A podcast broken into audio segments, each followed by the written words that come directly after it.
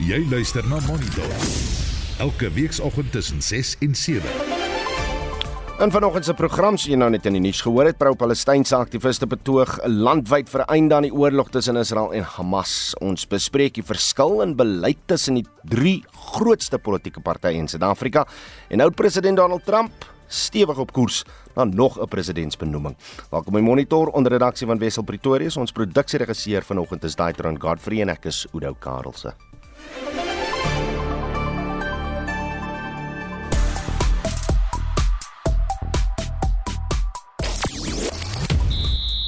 Milford FC sorg vir die grootste Suid-Afrikaanse sokkeropskudding van die seisoen. Ouderdom is geen probleem vir Liverpool in die Engelse Liga beker eindstryd nie. Die sewe reeks in Kanada ontaard in 'n nagmerrie vir Suid-Afrika en nog 'n Suid-Afrikaanse cricketlegende sterf. Ek is Shaun Schuster vir RSG Sport. Die jaar is in volle swang, die skole is aan die gang en tersiêre instellings akademiese jaar het ook afgeskop. Het een van jou kinders die huis verlaat om te begin werk of dalk te studeer, is dit jou jongste? Dalk het jou laaste of enigste kind van jaar die nes verlaat. Ly jy aan sogenaamde leenes sindroom? En wat doen jy met al die skielike en bykomende tyd op jou hande? Is dit 'n goeie of 'n slegte ding? En as jy al hierdeur is, hoe het jy dit oorleef as ouer? En wat doen jy as kind om seker te maak dat jou ouers nie sleg voel oor die feit dat jy nie meer onder hul dak of sorg is nie? Kom ons praat 'n bietjie. Ouers, kinders, kom ons praat 'n bietjie vanoggend met mekaar. Uh, deel jou ervaring deur 'n SMS te stuur na 45889. Dit kos jou R1.50 per SMS of jy kan vir ons 'n WhatsApp stemnota stuur na 076 536 6961. Monitor. Jou oggendnuusprogram op RSG.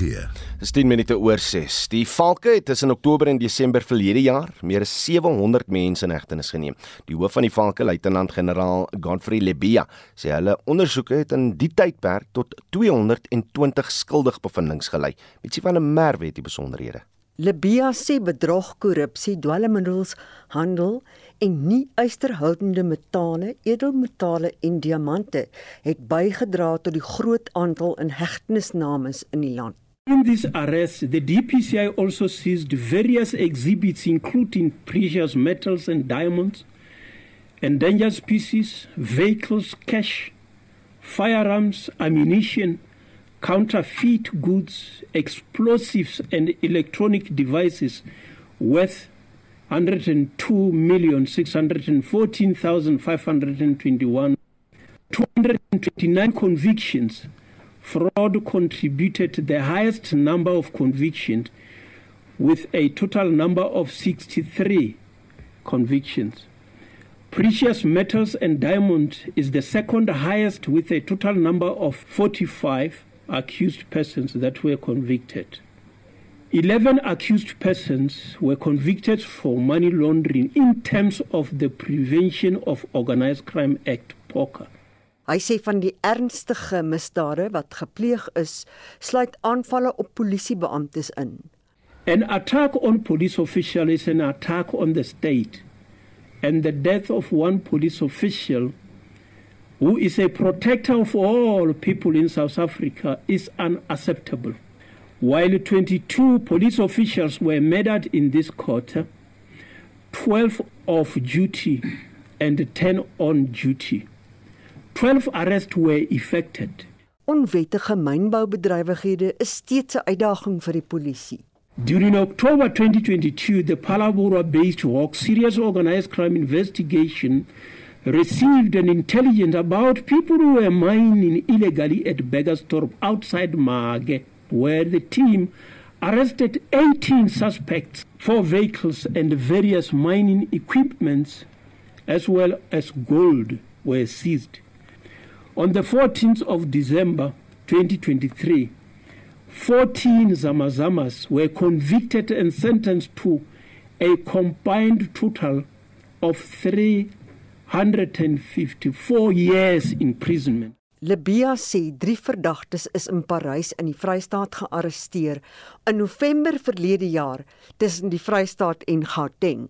16 nuggets of unwrought gold worth 4,579,800 rands of cash were recovered and four vehicles were seized. The suspects appeared before the magistrate in Paris on the 27th of November 2023 for contravening the Precious Metals Act of uh, 2005. Mlambo and Moyo, the South Africans, are out on bail, while Sitole, a Mozambican national, is remanded in custody. Libya het ook misdade wat teen die staat gepleeg is uitgelig soos die Julie 2021 onluste. During July 2021, a video clip inciting people to burn and loot the Brookside Mall in Pietermaritzburg was circulated on WhatsApp social media platform. The mall was looted and burned to the ground, and the estimated damage caused to the looting and the fire was approximately 500 million rands. The Hawks initiated investigation and identified the author of that video clip as Mudumizeni Keta Zuma, a 36-year-old man. The Peter Marisbeck Regional Court sentenced Mudumiseni Zuma to an effective 12 years imprisonment following his conviction, contravening Section 17 and 18 of the Rioters Assemblies Act. Ander suksesse sluit in in hegtenisnames vir transitoroeftogte, wildsmokkel en mensehandel. Hierdie verslag is deur Paul Magubani saamgestel. Mitsi van der Merwe, SAK-nuus.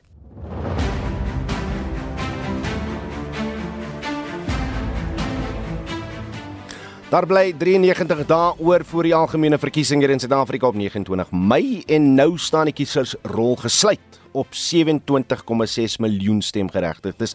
Want die datum is nou amptelik geproklaameer, so jy sal nie nou weer kan registreer nie.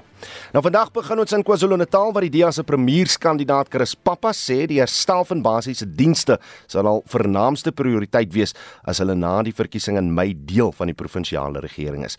Pappa sien die DEA se provinsiale leier, François Rogers, het die party se 10 topprioriteite aan die media in Durban uitgestipel.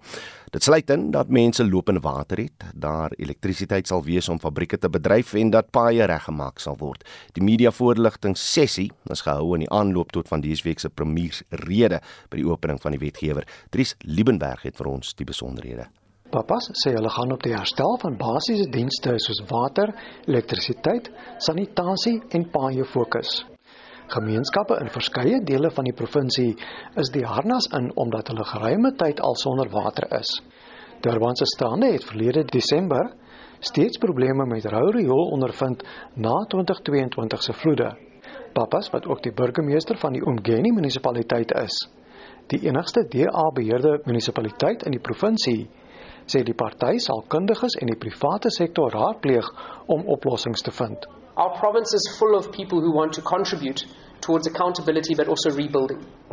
In Umgeni, we've established civilian oversight committees and civilian technical expertise who help government free of charge without an interest in the procurement process to share with us the knowledge to rebuild our municipality and the same thing will be done here in the province of KwaZulu-Natal.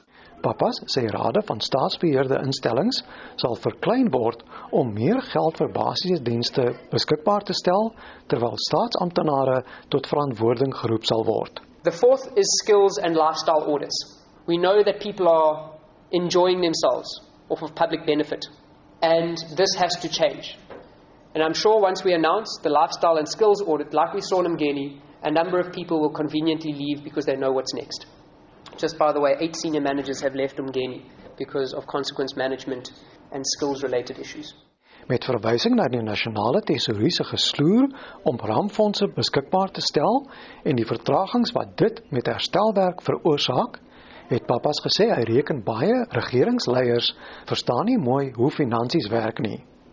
Hy verduidelik hoe herstelwerk bespoedig kan word as die politieke wil daar is. Once national government has given you a letter that says that 1 billion rand is available as an example, that is what we call committed funding. In other words, you have it in writing that you can start the projects even if the money is not in the bank. It means that you can go to institutions like the Development Bank of South Africa or private lending institutions and say, I have a, a, guaranteed letter that 1 billion rand will be in my bank account in the next however many months. Can we start the project now? Rogers sê hulle jongste weeklikse peiling dui daarop dat die ANC minder as 30% van die stemme in die provinsiale verkiesing kan kry. Nou dat die MK-party, gesteun deur oud-president Jacob Zuma, nou ook die verkiesingsstryd betree het, sê Rogers dat die moontlikheid van 'n minderheidsregering opdoem. Dit behels dat geen party 'n volstrekte meerderheid kry nie of in staat is om 'n koalisie met 'n volstrekte meerderheid kan saamstel nie. Will we work with the EFF? No. We're clear on that. Will we work with the ANC? Not in its current form. No. But things change. This election is going to be very interesting. In fact, if you look at the polling now, you might go into a situation where you have to form a minority government in the province of KwaZulu Natal. That means you don't have an outright majority. But that is not going to address the challenges that we face in the province. Rogers sê hy sal met van dese week se premiersrede op die uitkyk wees hoe die ANC regering die 4 miljard rand begrotingstekort dek wat daaraan te wyte is dat die nasionale tesourie nie die volle salarisverhoging aan staatsamptenare befonds nie. Ek is Dries Liebenberg in Durban. Nou die ANC het ses sleutelgebiede in sy verkiesingsmanifest uitgelig waarop hy vir die volgende 5 jaar wil fokus. Die party president Cyril Ramaphosa het Saterdag aan die Moses Mabhida Stadion in KwaZulu-Natal gesê die prioriteite is van kritieke belang vir ekonomiese transformasie en om die lewens van Suid-Afrikaners te verbeter, maar die skepers het meer. Leyo victory is coming. Bazoyibona abantu on the 29th of May when the results are declared. That is why I said, My Shome, Niyabasabana, forward to the ANC victory forward. Mandla. Dit is 'n oorlogskreet in 'n stryd vir stemme. Kritici meen die bevrydingsbeweging wat 112 jaar gelede op die been gebring is, is nou op sy knieë en 'n skadu van dit wat die organisasie voorheen was. Na 30 jaar en 6 agtereenvolgende oorwinnings, glo Ramaphosa dat die ANC steeds landsburgers se eerste keuse is, 'n party vir die mense. Aliko elinye iqembu eli first choice among the people of South Africa other than the African National Congress. In the past week, we have joined hands with our volunteer wethu as we have gone around the KZN. Ramaphosa het die party se ses fokusgebiede uiteengesit. Our jobs plan building our industries to include an inclusive economy. We will tackle the high cost of living. We will also invest in our people. We will defend democracy and advance freedom. And we will continue to build a better Africa and a better world. By renewing the mandate of the ANC, we will build on the foundations of the 30 years of freedom and continue the journey to the next 30 years. Die ANC president sê die party kan nie bekostig om te misluk nie. The ANC is working hard to restore your trust and confidence in us as the leader of fundamental socio-economic transformation. There is no organization that has the experience and the knowledge and the leadership and the capability like the African National Congress. We are the only organization that can take South Africa forward. We have learned from our mistakes, but we have also learned from our experience. Oor kaderontplooiing het die president die belangrikheid van bekwaamheid en bevoegdheid uitgelig. As we move forward, we are going to make sure that we deploy comrades who are capable. ICADA development policy yethu is about appointing suitable and qualified people who share our transformation vision. We will make sure that our deployment policy ensures that the policies and the vision of the ANC are followed as mandated by our constitution as well as the constitution of the republic. Die party het intussen sy hartseer uitgespreek na die dood van minstens 9 ondersteuners wat gisteroggend in 'n padongeluk tussen Durban en Mpumalanga betrokke was. Die ondersteuners het die bekendstelling van die verkiesingsmanifest bygewoon. Die verslag is saamgestel deur Ntembu Mokobo in Durban en ek is Marlie Skeepers vir SAK nuus. Die oorsaak van die busongeluk word nog ondersoek. Die woordvoerder van die ANC, Mahlengi Bengu Mutsiri, sê die party wag vir 'n volledige verslag. Na behalwe die minstens 9 partylede wat oorlede is, soos ons pas genoem het, is minstens 4 ook ernstig beseer. En die beseerde passasiers is in omliggende hospitale opgeneem. Die bus het tussen Paulpietersburg en Vryheid in die noorde van KwaZulu-Natal omgeslaan en ANC-leiers van Mpumalanga en KwaZulu-Natal het die toneel besoek. Nou die bekendstelling van die aanveste van Suid-Afrika se drie grootste partye, die ANC, die DA en die EFF is nou afgehandel en die skrywer, politieke ontleder en redakteur van Vrye Weekblad, Max Dupreus lê nou by ons aan. Môre Max. Goeiemôre Oudo. Ek spot nou 'n bietjie maar kan ons na Saterdag sê die ANC die manifest stryd van Moses Mabhida stadion gewen teen die EFF? Ek dink tog al so ja. Ja, hierdie hierdie uh, spoggery met wie wie meer mense in 'n stadion kan kry is nogal verspot. Hmm. Want dit gaan nie oor steun nie, dit gaan oor wie organiseer die busse beter. So ja, ja maar die ANC het, uh, het sy spiere 'n bietjie gebult.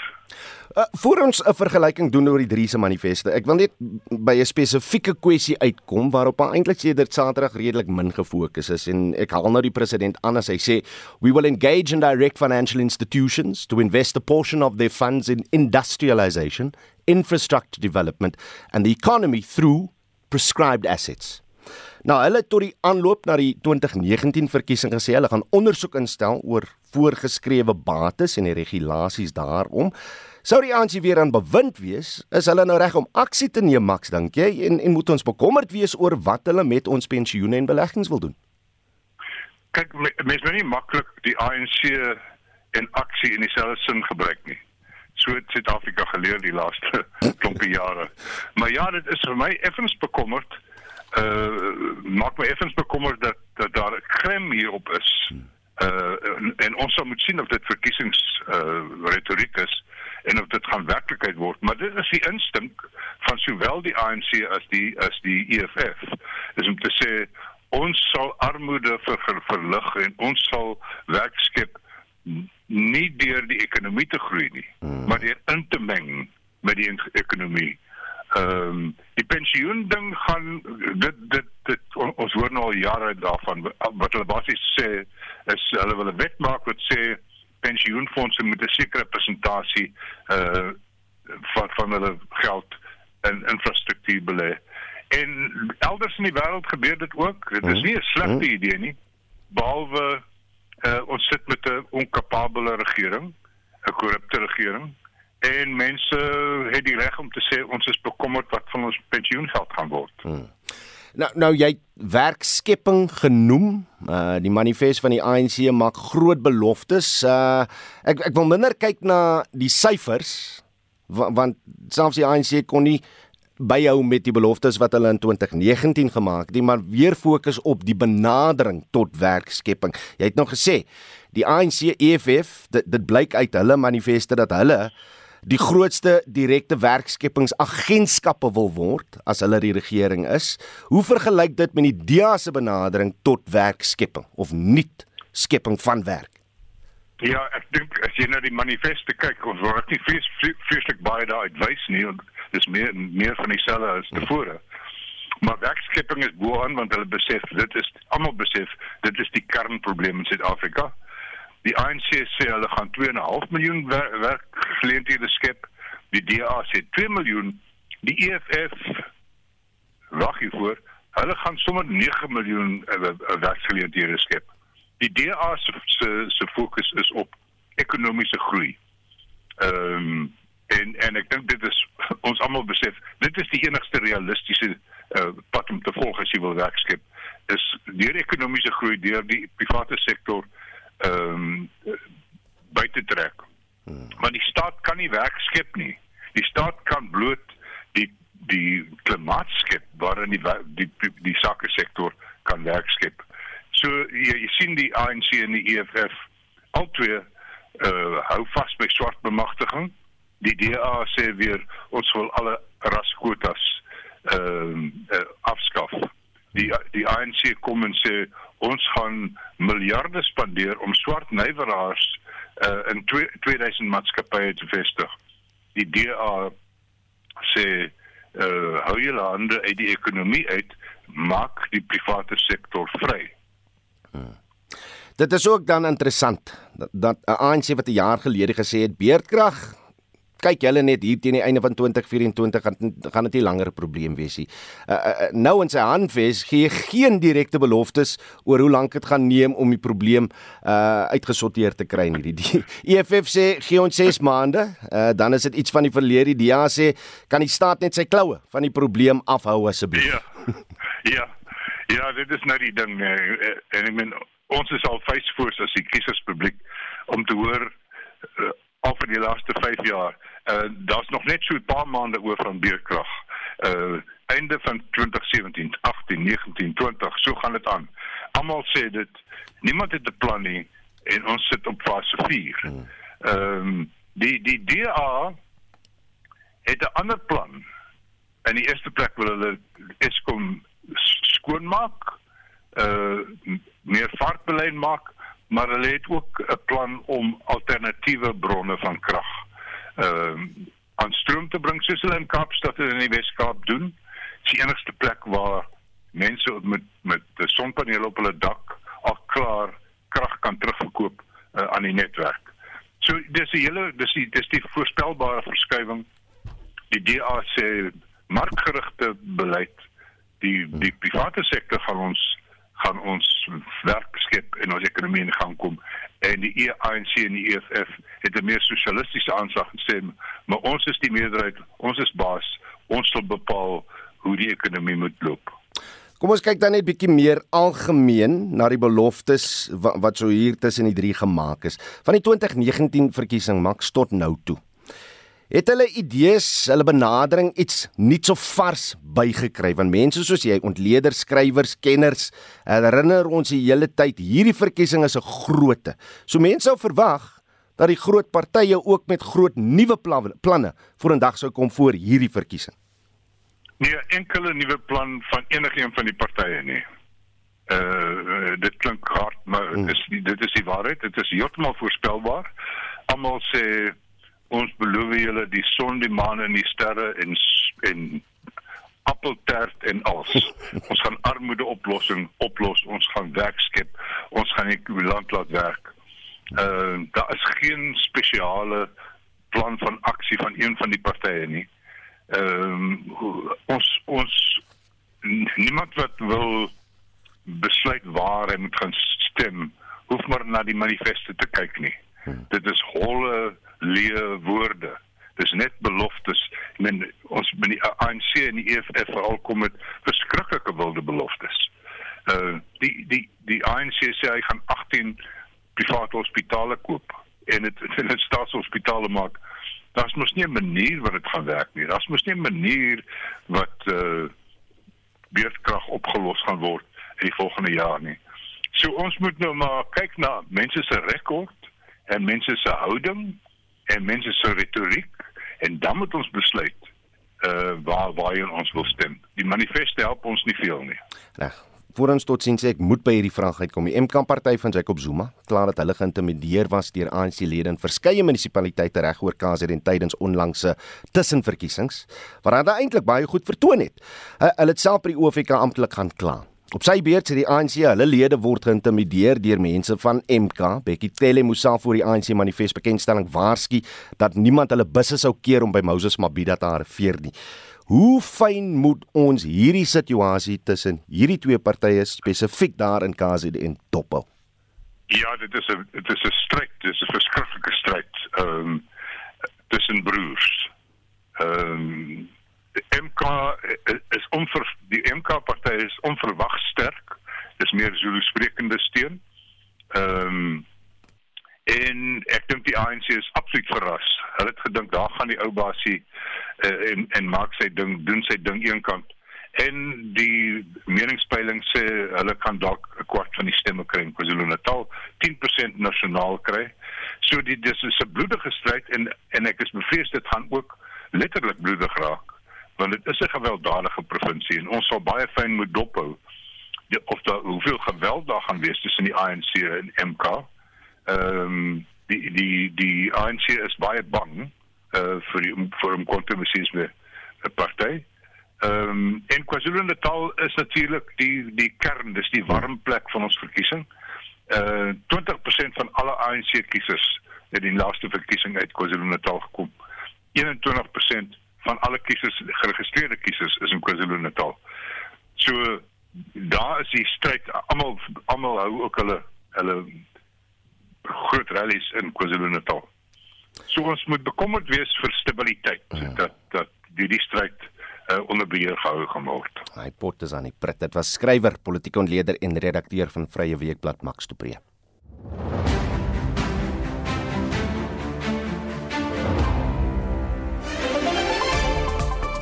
Preez. Sy is 34 en hier is wat voor lê in die res van die program. Die mans en vroue blitsbokke stel teleur in Kanada en Donald Trump op pad na nog 'n presidentsbenoeming. Bly ingeskakel.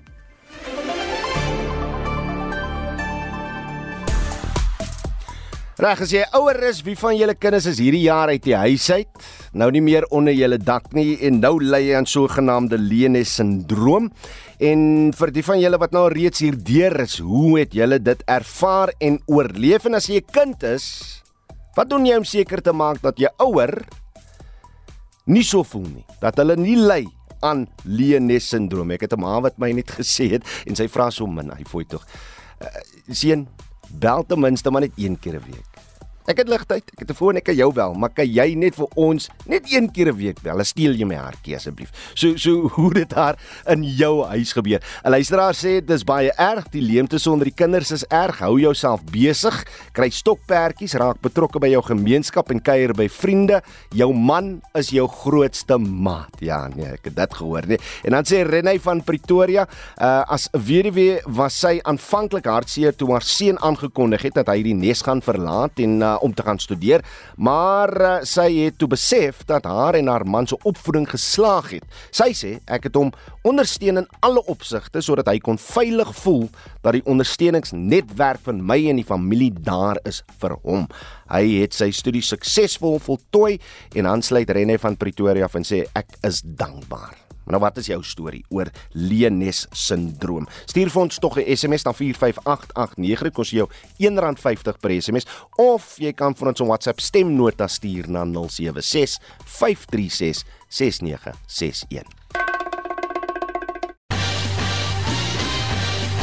Die organisasie teen belastingmisbruik Alta is diep bekommerd oor die wysigingswetsontwerp op die algemene intelligensiewette of GLAB. Ons is bang dat hulle misbruik dit. Ons het nou gesien met staatskaping dat alhoewel die idee van wetgewing kan goed wees, is dat die implementering daarvan nie altyd so goed is nie.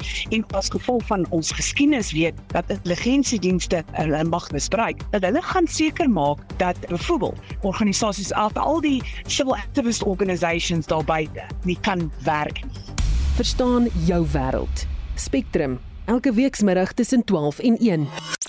Monitor jou oggendnuusprogram op RSG. Nou gevegte tussen die M23 rebelle en die Kongolese magte het aansienlik toegeneem in die noordelike Kivu provinsie in die Demokratiese Republiek van die Kongo.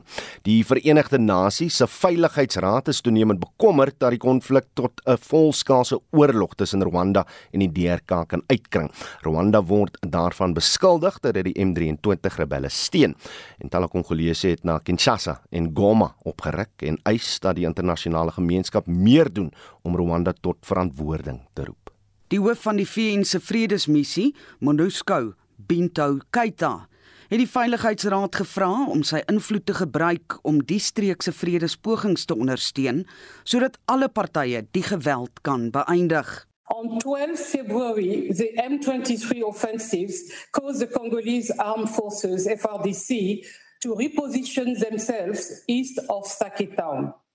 Despite coming under fire and being targeted, MONUSCO maintained its offensive positions west of Sake.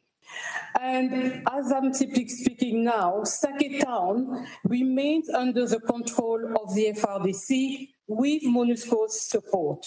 Die M23 Tutsi geleide rebellegroep beskuldig die DRK regering daarvan dat hy misluk het om Kongolese Tutsis by die weermag in te lyf.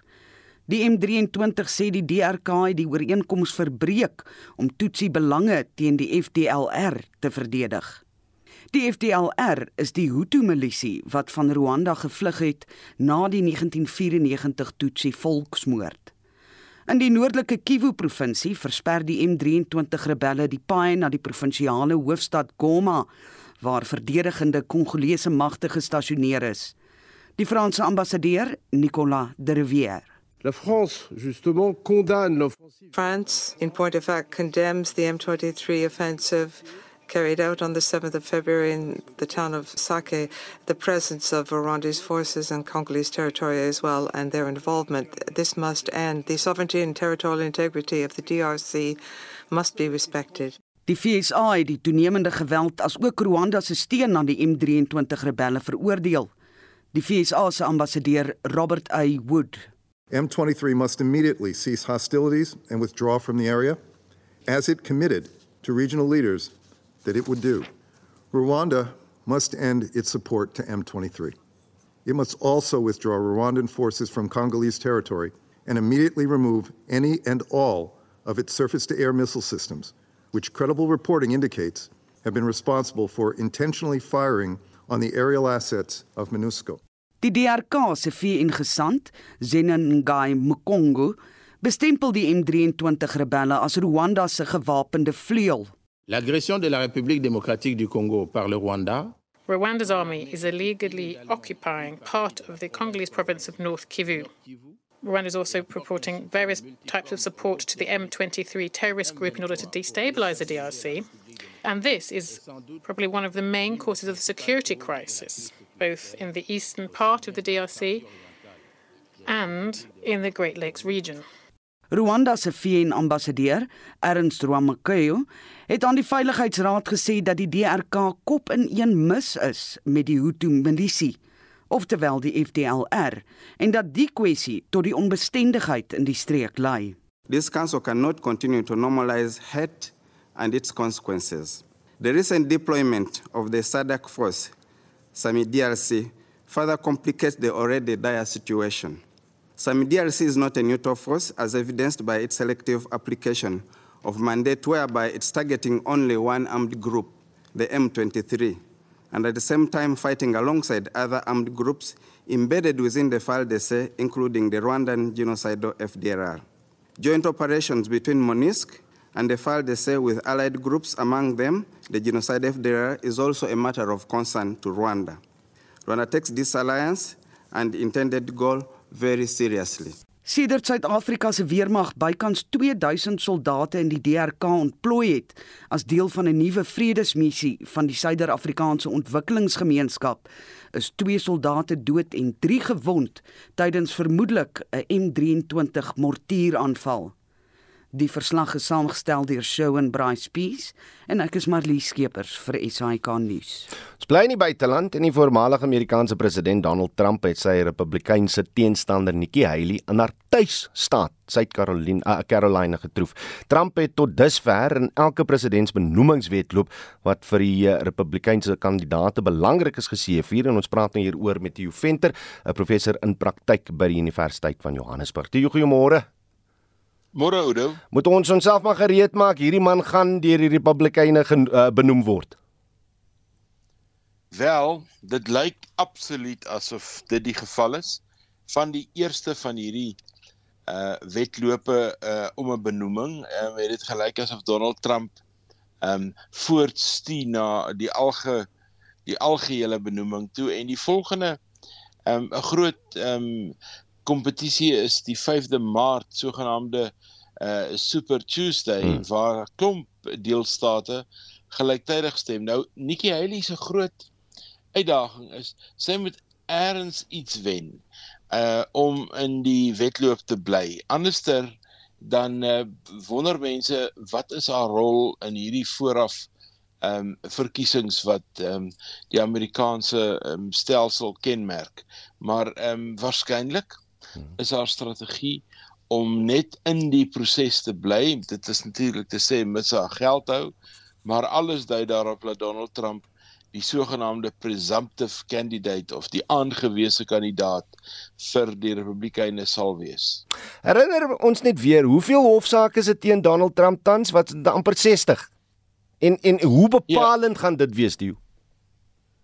Ja, die dit is 'n dit is 'n baie interessante storie. Uh as jy na die demokrate luister, dan gaan hierdie hofsaake Donald Trump pootjie. Dit gaan eers langs die pad om uh in uh, verplig om of uit die wedren of uit die wedloop uit te klim.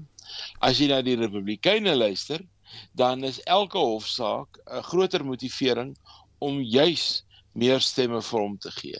Om juis ehm um, te glo dat ehm um, Donald Trump die kandidaat is. Ek het gisterand 'n opname gesien waar hulle ehm um, opponente van Donald Trump gevra het, dink jy dat Donald Trump se verkiesing in 2020 was 'n onwettige verkiesing. Met ander woorde Biden is nie eintlik die president nie. Eintlik het het uh, Donald Trump gewen en ongeveer 73 persent van sy ondersteuners glo dat Biden is onwettig verkies. Nou is nou verstaan jy hoe groot die polarisasie onder die kiezer in Amerika is en Donald Trump kry dit reg om die om die om die simpatie stem en die stem wat hom ondersteun nog verder te mobiliseer elke keer wanneer daar 'n nuwe saak kom en dit eintlik lyk asof hy polities glad nie uit hierdie ehm um, ding kan kom nie. En in 'n toespraak wat hy gehou het Saterdag het 'n nuwe element van sy veldtog na vore getree. Hy het die toespraak afgesluit deur te sê op die 5de November, dis nou wanneer die Amerikaanse presidentsverkiesing plaasvind, dit sal die afrekeningsdag wees hmm. van ehm um, van die van van Donald Trump. Dit sal die dag wees waarop hy dan uiteindelik dit reg sal kry om al hierdie klomp skelms wat hom nou ontneem het van die politiek uh aan die pen te laat ry. So dit is 'n uh, ongelooflik. Mens wonder eintlik as jy na al hierdie goed kyk, waar is die werklikheid? Waar is die politieke werklikheid in Amerika op die oomblik? Hmm. Kom ons kyk dan na die ander kant van hierdie baie ou muntstuk. Die Amerikaners soos jy sê gaan 5 November stembus toe is daar te jou niemand buite Joe Biden wat vir die demokrate uitstaan nie. Dit lyk ook nie so nie. En ons moet nou onthou hierdie voorverkiesingsveldtogte is eintlik die Amerikaanse model al vir vir honderde jare om tussen die twee politieke partye die Republikeine en die Demokrate uh hierdie interne verkiesings te hou om uiteindelik 'n klomp kandidate wat lus het om aan die verkiesing deel te neem tussen hulle die sterkste kandidaat te kry. Dis die eerste keer in 'n baie lang tyd. Wel, minstens na die Tweede Wêreldoorlog waar daar so vroeg in die veldtog. Uh ons is nou aan die einde van Februarie. Reeds net twee kandidate na vore tree. Donald Trump aan die een kant, Joe Biden aan die ander kant. Gewoonlik op hierdie stadium van 'n voorverkiesingswedloop was daar nog 5, 6 kandidate aan elke kant wat mekaar die stryd aangesê het, maar dit lyk vir hierdie keer is dit 'n is dit 'n gegewe. Dit lyk vir die Amerikaners het net 'n plan A. Mm. En, en nou beide kandidate is ou manne. met respek met respek aan almal wat bo 77 of 78 is en onder 84 maar ehm um, iets as iets gebeur met een van hulle se gesondheid of wat ook al dan gaan jy sien die Amerikaanse stelsel gaan in 'n diep krisis verval omdat daar nie 'n plan B is nie. Ja, en en, en wat nou 'n bietjie lelik raak in die openbaar is dat uh, die ouer geslag, hulle het nie 'n probleem om te spot met jou nie. Trump se benadering met Biden is duidelik. Hy bou aan die narratief dat Biden aan demensie ly en en hy doen dit op aardige maniere partykeer voor die televisiekameras en, en en hy voer aan die man kan eenvoudig net nie president wees nie. Ja, hy doen dit en dit raak baie persoonlik. Ehm um, Donald Trump is bekend daarvoor dat hy ehm um, sy stap 1 um, met enige politieke opponent is om aan die mense 'n bynaam toe te ken. Gewoonlik 'n afbreekende soort bynaam.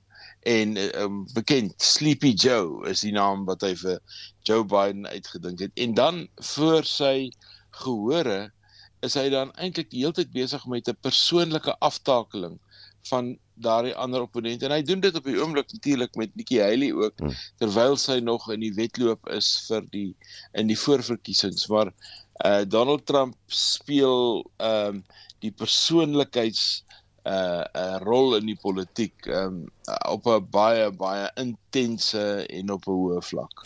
Vir Suid-Afrikaners wat dit nou nog nie uitgewerk het nie, wat sal 'n Trump oorwinning in hulle verkiesing vir die konflik in die Midde-Ooste beteken?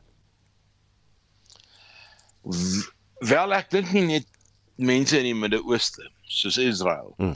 is bekommerd oor 'n moontlike Trump oorwinning nie. Ek dink NAVO is bekommerd oor 'n Trump oorwinning. Ek dink Taiwan is bekommerd oor 'n Trump oorwinning. Ek dink daar's 'n hele klomp mense wat hulle oë in die in die in die seil hou in in buitelandse sake wat bekommerd is. En miskien moet ek net hierdie een syfertjie byvoeg alhoewel ons oor die Amerikaanse presidentsverkiesing praat. Hmm. Weet ons daar's 'n verkiesing van die Huis van Verteenwoordigers as ook 'n derde van die Senaat. En as jy na die Senaat kyk, dan moet 32 senatore herverkies word. Van hulle uh, is 20 demokrate, net 10 is republikeine en 3 is onafhanklik uit die 33.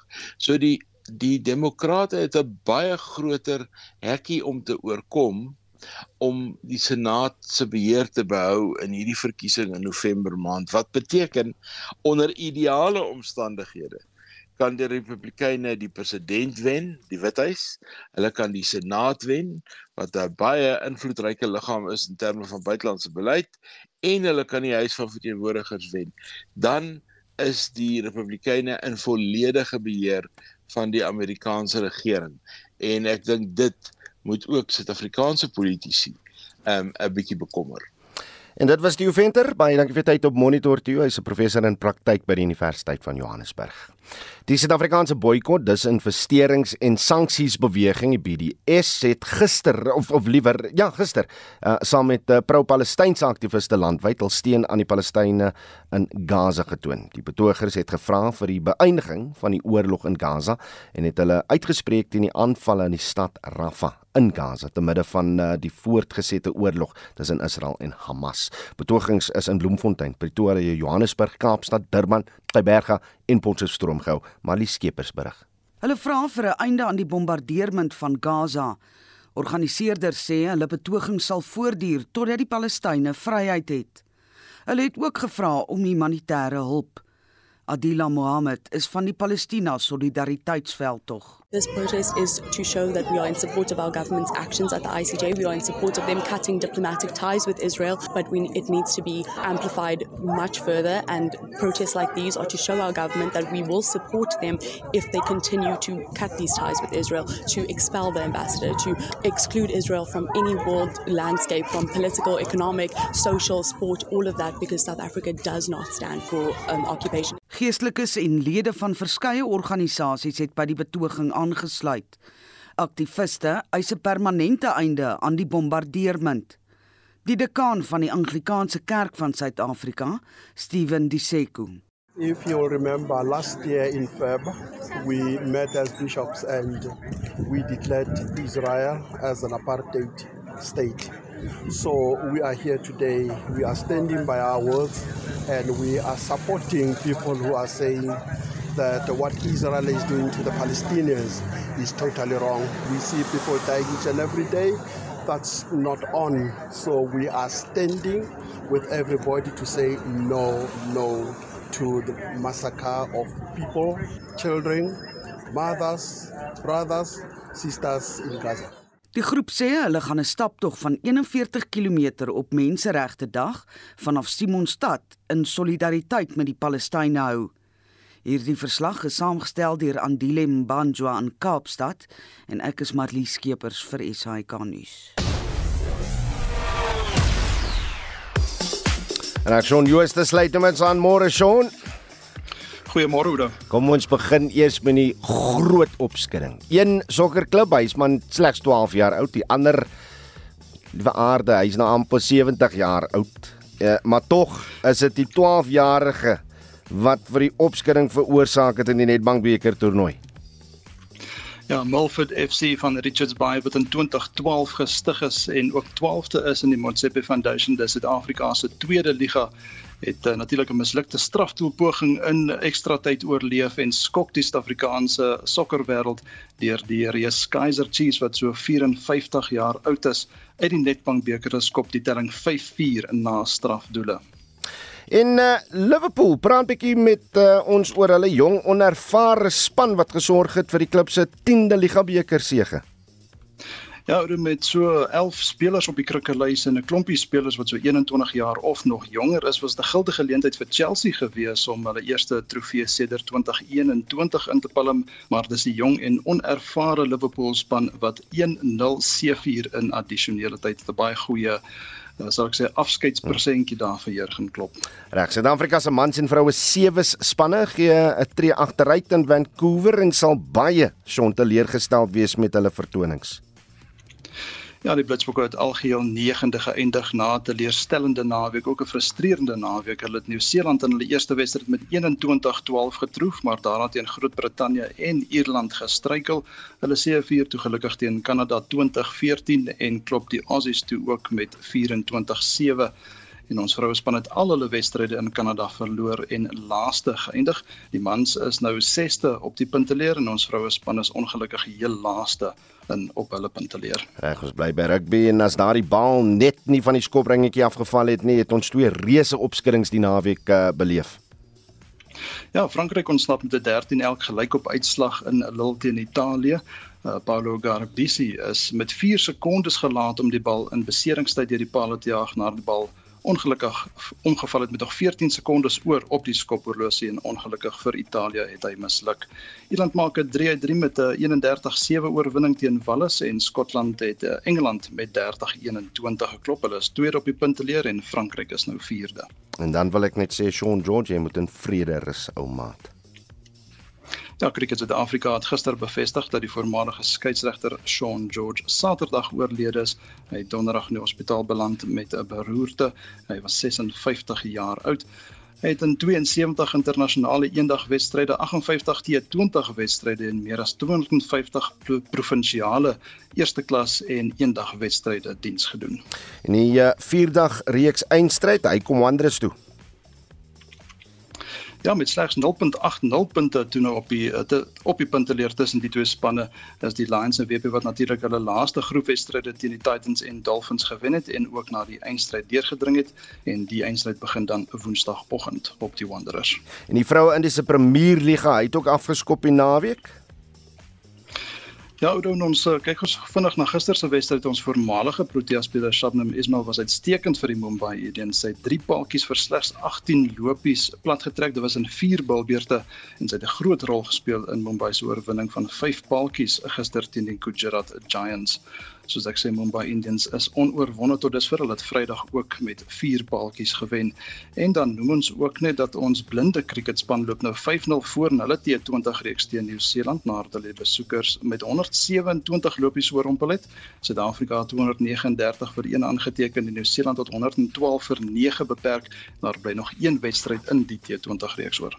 Nou, ons gaan Woensdag so 'n bietjie saam met die uh, blinde cricketspan gesels, maar dit was ons Shaun Jooste van RSG Sport. Sport Nou Suid-Afrika se Jordi Smith het tot die 4de eh, plek verbeter in die 2024 wêreld uh, branderplankry kampioenskap na die Hurley Pro Sunset Beach kompetisie in Oahu, Hawaii.